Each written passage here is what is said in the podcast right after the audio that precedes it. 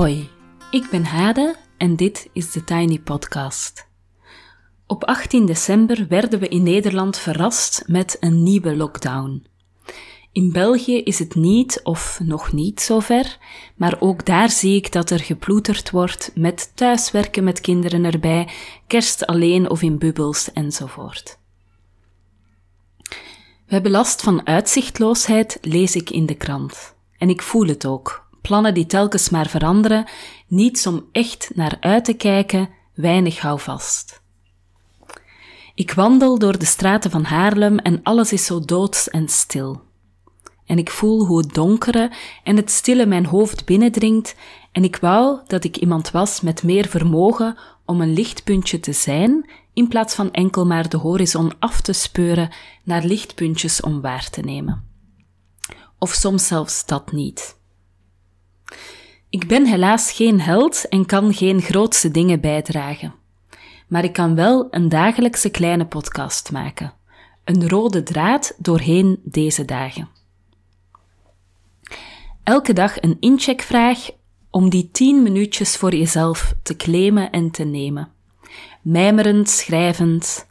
Misschien is het wel leuk om er een apart boekje voor te nemen en telkens daar de antwoorden in te noteren. Ik geef je ook elke dag een suggestie. Een boek, een serie, een film, een podcast, een activiteit. Allemaal uh, natuurlijk lockdown-proof. Elke weekdag van 20 december tot en met 7 januari en dit is dag 2. De vraag voor vandaag is wat jouw leukste ontdekking was van 2021. Je kan de podcast nu even op pauze zetten en schrijvend of denkend de vraag beantwoorden. En ik beantwoord de vraag zo ook. Voilà. Um, ik ga ervan uit dat jullie even zelf uh, de podcast op pauze hebben gehad en dat jullie nu terug aanhaken. En ik ga nu vertellen over mijn leukste ontdekking van 2021. Voor mij was dat het suppen. Dat is, suppen staat voor stand-up paddling. Dus dat is uh, wat dat je soms ziet wat mensen doen op een soort plank uh, op het water met een peddel rechtstaand, sommigen op hun knieën, uh, vooruit bewegen. Voor het verjaardagsfeestje van mijn oudste zoon heb ik voor het eerst gesupt. Het was absoluut geen succes. Ik was de eerste die uh, heel elegant uiteraard, uh, hem, uh, in het water plonsde en zo heel paniekerig boven kwam, um, met rivierwater in mijn mond. Um, en ik werd toen ook heel erg uitgelachen. Maar achteraf gezien was het ook niet echt een heel representatieve ervaring. De subs waren niet bepaald subs waarmee ervaren suppers gezien zouden willen worden. Uh, ja, van die grote, enorme plastic dingen. Uh, maar ik vond het leuk en dat is echt heel wat voor een meisje dat in de turnlessen vroeger een slimme tactiek had ontwikkeld om tussen de coulissen te verdwijnen, om op die manier hele stukken van de turn of gymles uh, te kunnen overslaan. Dat heette LO, lichamelijke opvoeding. Nou, ik heb dus veel lichamelijke opvoeding geskipt. Ik weet niet precies hoe het verder ging, maar via mijn vriend Han was ik plots lid van de Kano-vereniging en ging ik dapper mee het Spaarne, dat is de plaatselijke rivier, op om te suppen. Ik heb in die periode ook een aantal personal trainings uh, genomen. Was eigenlijk heel leuk om te doen. En regelmatig geoefend. Ik probeerde toch ja, twee, drie keer per week van, denk ik, juni tot en met oktober. Naast de techniek en het evenwicht moest ik vooral werken aan mijn angst. Ik was bang voor elk golfje, elk bootje dat in de buurt kwam, elke andere super. Ik was bang van het water, van de diepte, van ongeveer alles. Maar ik bleef suppen en ik kocht een eigen sup, waar ik apen trots op ben, uh, en waarmee ik in de toekomst op sup-uitstapjes hoop te gaan. Um, je hebt zo van die boeken waar dan subtochten in staan, zo van die dagtochten die je dan met je sub in prachtige natuurgebieden kan gaan doen. En ik heb altijd een soort van idyllisch idee in mijn hoofd dat mijn leven alleen maar rustiger en overzichtelijker gaat worden. Um, en dat ik bijvoorbeeld vanaf mei echt op magische wijze plots tijd ga hebben om hele daguitstappen te maken met mijn sub. Uh, op dit moment sup ik even niet meer, want dan moet ik zo'n uh, warmtepak kopen. Ehm, en mij daarin hijsen. En om een of andere reden uh, raak ik die drempel niet over. Uh, maar als ik ging suppen, zeg maar, tot en met de herfst, dan um, ja, supte ik wel vaak een heel gelijkaardig rondje, waarbij ik dus op de gracht bij, vlak bij ons thuis opstapte en dan uh, via de bolwerken, voor wie Haarlem kent, het Spaarne opsupte en dan weer afstapte of uit het water kwam vlakbij ons huis. Waarna ik dan op mijn slippertjes, die ik dan vooraan op de sub had vastgemaakt, Ehm, met die sub van 4 meter 30 centimeter onder mijn arm weer naar huis wandelde. En mij heel blij en heel uh, voldaan voelde dat ik toch aan lichaamsbeweging had gedaan. En dat ik nooit in het water ben gevallen. Daar ben ik ook uh, nog altijd blij mee. Voilà. Suppe was echt mijn ontdekking van 2021. Ik ben ook wel heel benieuwd naar jullie ontdekkingen van 2021. Dat mag voor mijn part een uh, recept zijn dat je graag maakt. Uh, een leuk cafeetje, een uh, nieuwe hobby, wat dan ook. Iets klein, iets groot.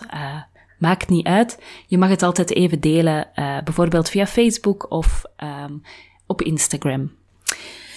Voilà, elke dag geef ik ook nog een tip mee. de tip voor vandaag is de serie Unforgotten. Um, ik woon in Nederland, maar je hoort dat ik een Vlaamse ben. Um, in Nederland heb je de NPO-app. Uh, ik geloof dat die iets van 2 of 3 euro per maand kost. Um, en ja, dat is een soort streamings-app waarmee je dingen die niet op Netflix staan, zeg maar, kan, uh, kan bekijken. Um, er, zit een, er is een hele afdeling detectives. Uh, en Unforgotten is een van die detectives. Ook Rita. Nee, heet die Rita? Nee.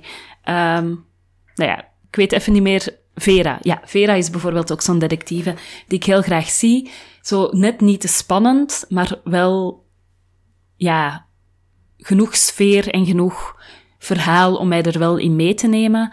Um, maar goed, Unforgotten dus. Ik weet niet goed voor de Vlamingen uh, of die ook de NPO-app zouden kunnen uh, aanschaffen, of dat ik weet niet of dat gebonden is zeg maar, aan Nederland of in Nederland wonen, of dat er een manier is om daar eventueel toegang toe te krijgen, uh, of waar dat je die serie eventueel kan terugvinden. Maar het is dus een serie over het oplossen van oudere misdaden, met per seizoen zes afleveringen van drie kwartier. En in die zes afleveringen wordt één mysterie opgelost, zeg maar. Um, ik heb nu één seizoen gezien. Ik vind het mooi, gelaagd, complex, intelligent, met geloofwaardige uh, personages. En wat ik echt heel mooi vind, is dat je echt ziet hoe het verleden doorwerkt in de levens van mensen. En ook dat ene seizoen dat ik gezien had, vond ik ook een heel mooie complexiteit van um, ja, allerlei levens die je een stukje mee volgt en ja, hoe mensen omgaan met dingen die ooit gebeurd zijn, hoe dingen aan het licht komen en schaduwen werpen op ja, dingen van vandaag, relaties van vandaag enzovoort. Uh, heel, ja, ik vond het echt heel mooi en complex. Um, ja, dus in die zin denk ik uh, een mooie aanrader voor donkere lockdownavonden. Um, voilà. Last but not least wil ik je ook heel graag uitnodigen om deel te nemen aan een vrouwencirkel bij mij. Er start er weer één online op 12 januari, uh, 10 woensdagavonden van 20.30 uur tot 21.30 uur. En tien weken lang praat je dan elke week een uur met vrouwen die je niet kent uit het dagelijks leven. Het is echt een groeiplaats voor compassie, een plek om te ervaren wat sisterhood is, een kans om door een andere bril naar jou en het leven te kijken, het leven zeg maar in het algemeen. Ik zet de link in de show notes en je bent van harte welkom. En hoe het heel concreet werkt. Um, je krijgt een linkje, je logt in. Er is een vaste groep van max negen vrouwen. Um, ik geef een introductie elke keer en dan mag iedereen ruimte nemen om te delen. Uh, daarbij niet onderbroken door anderen. Je krijgt ook geen ongevraagde adviezen of tips. Je mag gewoon onder woorden brengen wat voor jou op dat moment speelt. En dat is zo helend, zo fijn om gewoon je eigen gedachten te mogen uitspreken, je eigen, ehm, ja, waar je mee bezig bent, gewoon onder woorden te mogen brengen. Ehm, en dan luister je ook naar de anderen, zonder dat je iets moet oplossen voor hen, zonder dat je tips moet geven, zonder dat je moet helpen. Je mag gewoon luisteren, gewoon aandacht geven.